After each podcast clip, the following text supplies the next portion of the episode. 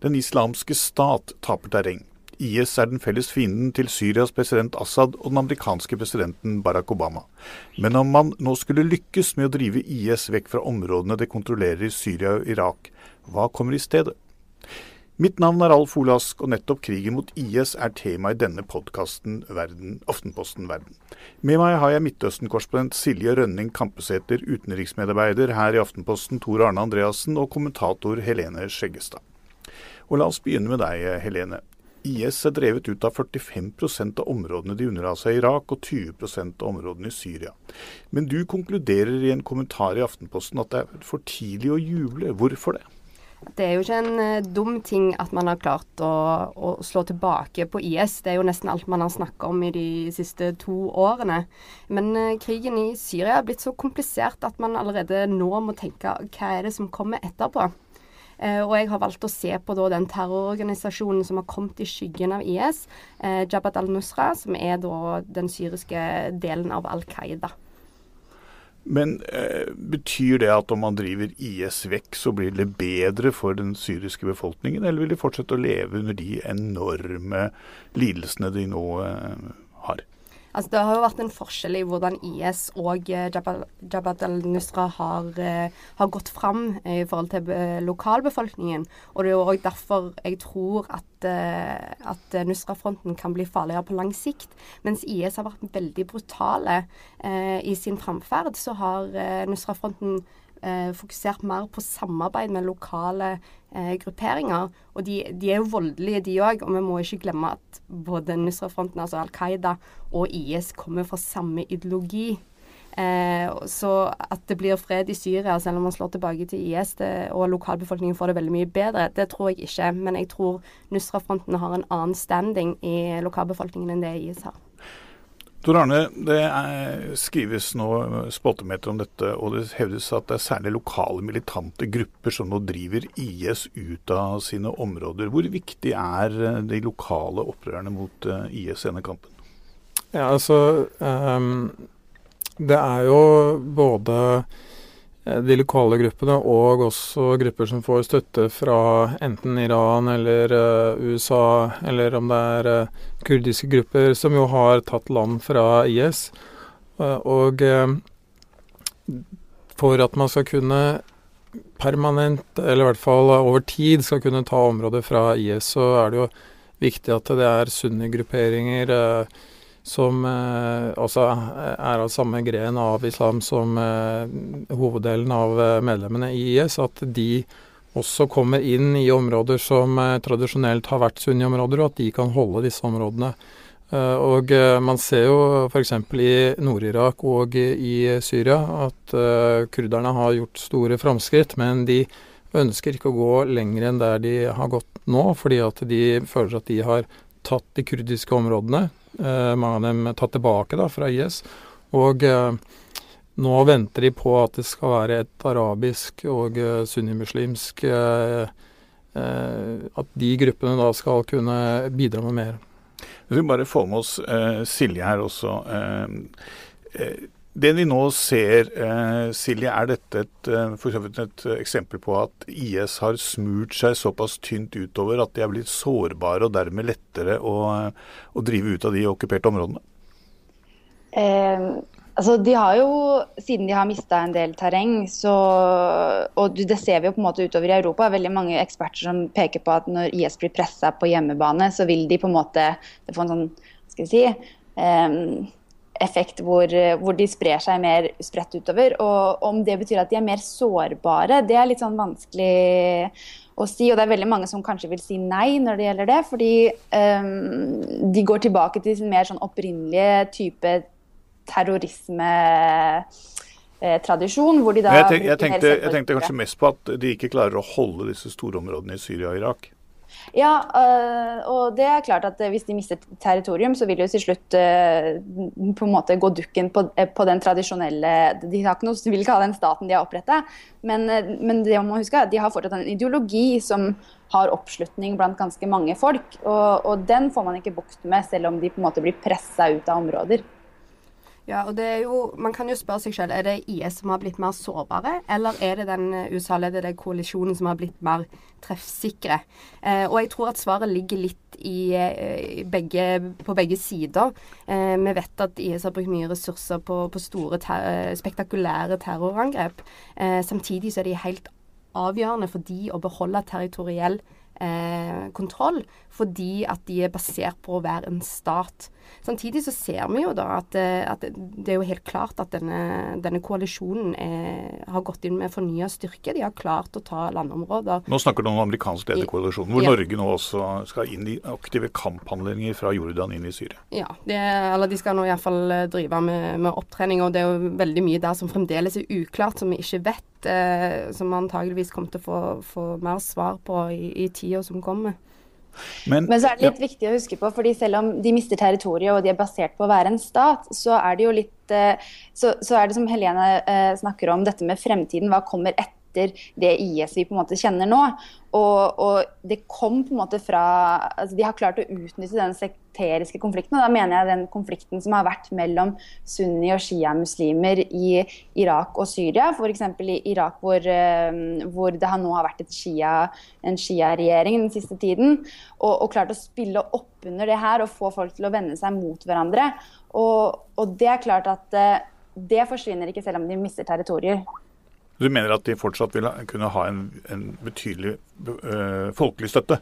Ja, jeg mener at det er viktig at det blir på en måte, altså det er derfor man snakker om uh, mange er kritiske til en militær løsning. Uh, en utelukkende militær løsning. Fordi det krever også en, mer, uh, en, en, større innsats når det gjelder å inkludere de forskjellige gruppene. Dette er jo land som består av stammesamfunn og utrolig mange forskjellige lokale grupper som på en måte er nødt til å samarbeide sammen for å få bukt med det her. og Da hjelper det ikke bare å på en måte bombe gruppen ut av områdene som, de nå holder.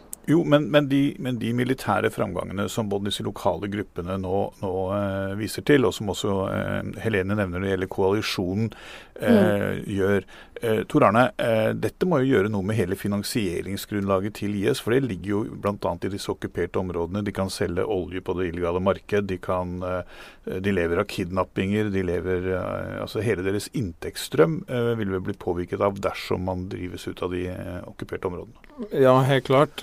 Fordi at IS-staten har jo vært i stor grad finansiert av tøff skattlegging av den befolkningen som bor i de IS-kontrollerte områdene. Altså ja, de går jo mafiaen en høy gang. Ja, altså det er en uh, befolkning på mellom seks og åtte millioner mennesker uh, snakkes det om i disse områdene. og uh, Handel osv. skattlegges.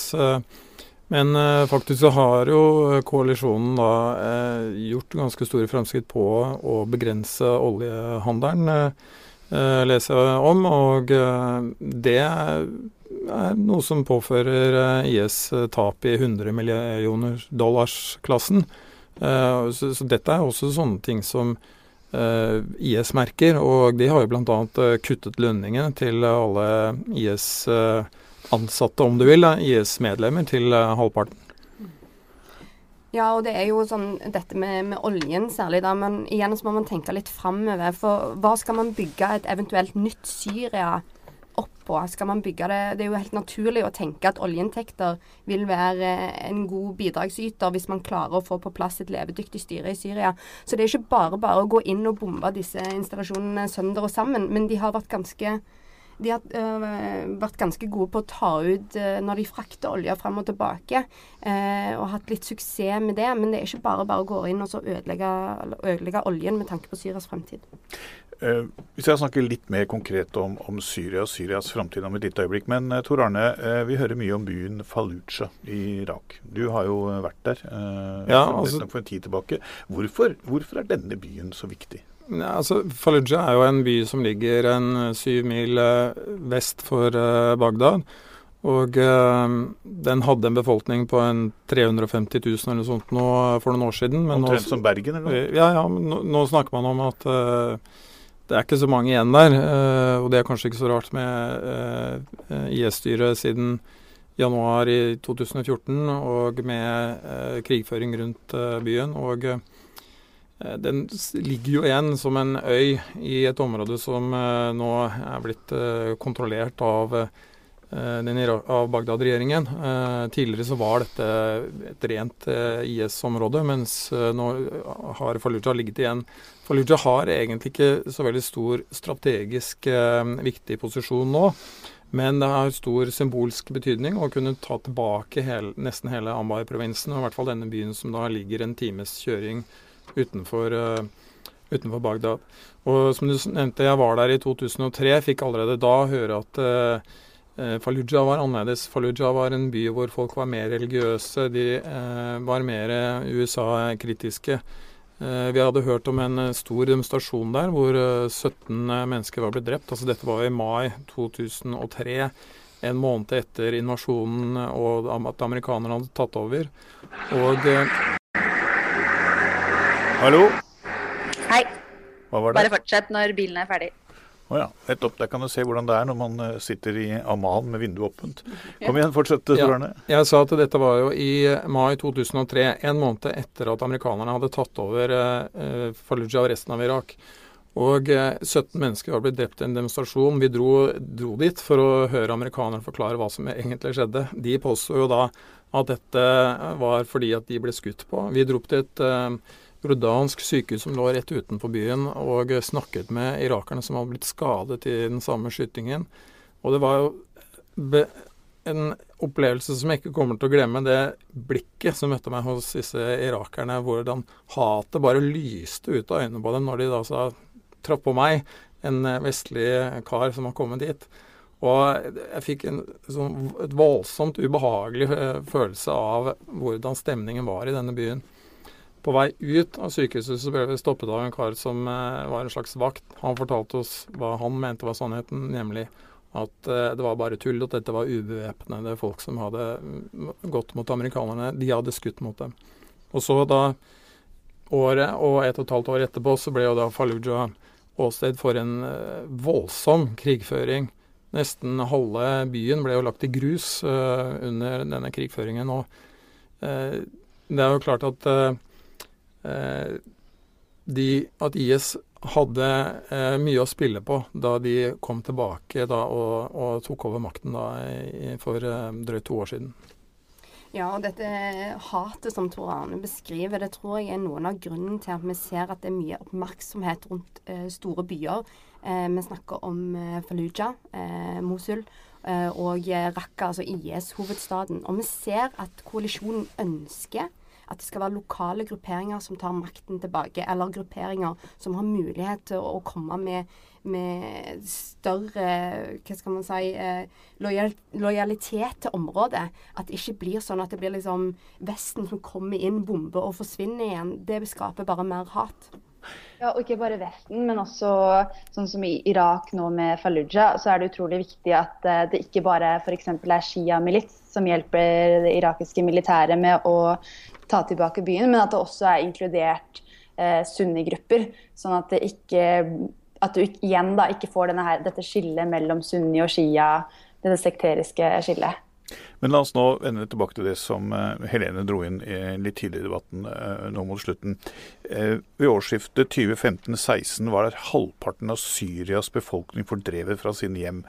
Det er anslått at 250 000 er blitt drept, og 13,5 millioner eh, har behov for øyeblikkelig humanitær hjelp i Syria og eh, de nærmeste områdene rundt. Eh, og hjelpeorganisasjonene kommer knapt til pga. Krigshandlingene. Vi har nå snakket veldig mye om eh, IS, men det er jo Assads styrker som det, har det største ansvaret, og som har drept flest og påført flest lidelser i, eh, i, denne striden. Slik denne saken nå utvikler seg, er han i ferd med å komme inn i eh, varmen til tross for dette, Helene? Altså, jeg skrev en kommentar for noen måneder siden der jeg skrev at Assad kan komme og sitte lenger enn Obama. Eh, det skapte ganske mye oppstyr eh, der og da, og folk mente at det, det, det var jo helt håpløst å si det. Men eh, jeg, jeg, står fremdeles på det, og det er jo helt utrolig når man tenker på stillingen til Assad i f.eks. 2013. Alle trodde han hadde bare noen måneder igjen av makten, og så sitter vi da her i 2016 og man ser at, eh, at, han antageligvis er del av en overgangsløsning. Eh, personlig så tror jeg at, eh, at Russland eh, kan gå med på at det er en i Assad eh, som kan sitte ved makten, og at USA har gått med på at Assad kan sitte i en liten periode. Jeg tror ikke at han kommer til å sitte veldig mye lenger, men, men det at han, han, at han fikk en annen fremtid enn det vi hadde trodd for noen år siden, det er det liten tvil om. Hvordan ser dette ut fra man, Silje? Jeg snakker jo med en god del syrere her som er um Uh, dette er jo et av de viktigste elementene for dem i Syria. Uh, at Assad må gå. Uh, og det ser man jo også i disse samtalene som på en måte konstant blir avbrutt og utsatt. Um, Pga. at det er uklarhet rundt hva som skal være premisset for samtalene. Og dette med overgangsregjering, som Assad er en del av, det er utrolig lite populært. Og for dem så er Assad han snakkes om i samme åndedrag som IS for mange syrere. Så det, det, er vanskelig å se hvordan Men jeg er helt enig med Helene, og jeg tror at han har absolutt styrket seg og spilt eh, kortene sine helt riktig. Og han, det er vanskelig å, å, se for seg hvordan man kan vinne mot IS, som på en måte er Vestens største fiende, eh, uten, uh, uten Assad. Ja, og dette gir jo eh, Putin eh, opptil flere trumfkort på, på hånden i, i, i eh, i, på verdensarenaen, ikke sant? Ja, definitivt. Og eh, man ser jo at det var et maktvakuum eh, i Syria som da Putin tok. Eh, man skal ikke undervurdere det at Russland Eh, har en interesse av å begrense eh, fremmedkrigere som reiser ned dit, særlig tsjetsjenere, som det er ganske mange av, som kjemper med IS. Men i tillegg så var det jo en åpen mulighet for han å komme inn og gjøre seg til en viktig spiller på den internasjonale arenaen. Og Det betyr da at og det, for å si det sånn, det gjør jo ikke Syria-konflikten lettere å løse? Nei, det er nok eh, ganske tett i luften over Syria fremdeles.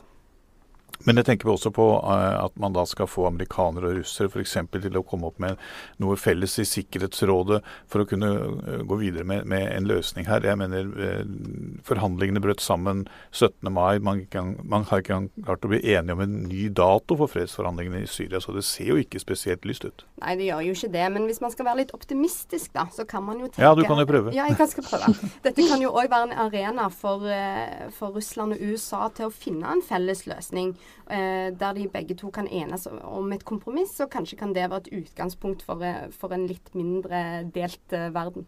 Men er det slik eh, du ser det, og også du Silje, at når man nå, hvis man nå da får fjernet eh, Assad i Syria, hvis man ikke da får på plass noe som virkelig holder og som har, som har støtte også på bakken, så ender man opp i, i det, litt av det samme kaoset som amerikanerne etterlot seg i Irak? Ja, altså Det er jo det som er faren. Og hva skal en ny regjering bestå av? Eh, og ikke minst hvem? Hvilke grupper? Sånn som nå så er det mm, Assads eh, alawitter, som er en sånn shia-sekt. Eh, og, så, så, så, hvem er det som skal inngå i en ny regjering, og hvordan har de tenkt å løse det? Skal de gjøre som Libanon og, og ha en oppdeling hvor, hvor, presidenten er kristen og statsministeren er altså det, det, det, det har mye å si for fremtiden til Syria, det er klart. Ja, altså Det er jo mulighet til å tenke at man ikke har et Syria innenfor eh, dagens grenser. Eh, når man nå inngår en eventuell løsning fra framtiden. Eh, men eh, ja, vi får bare vente og se. Ja, og det, med det kan vi vel konkludere at er det én ting som er usikkert der i verden, så er det nettopp fremtiden. Og i Midtøsten er et av de stedene hvor den er mer usikker enn de fleste andre steder. Dette var det vi hadde i denne Aftenposten verdenssendingen. Du kan eh, følge oss eh, fortsatt på Twitter og Facebook. Kom gjerne med tips til tema du vil at vi skal ta opp. Aftenpostens utmerkede utenriksjournalistikk finner du på alle plattformer 24 timer i døgnet, ja. Vi er til og med fortsatt på papir i en postkasse nær deg. Mitt navn er Alf Olask, og vi er tilbake med en ny sending om en uke.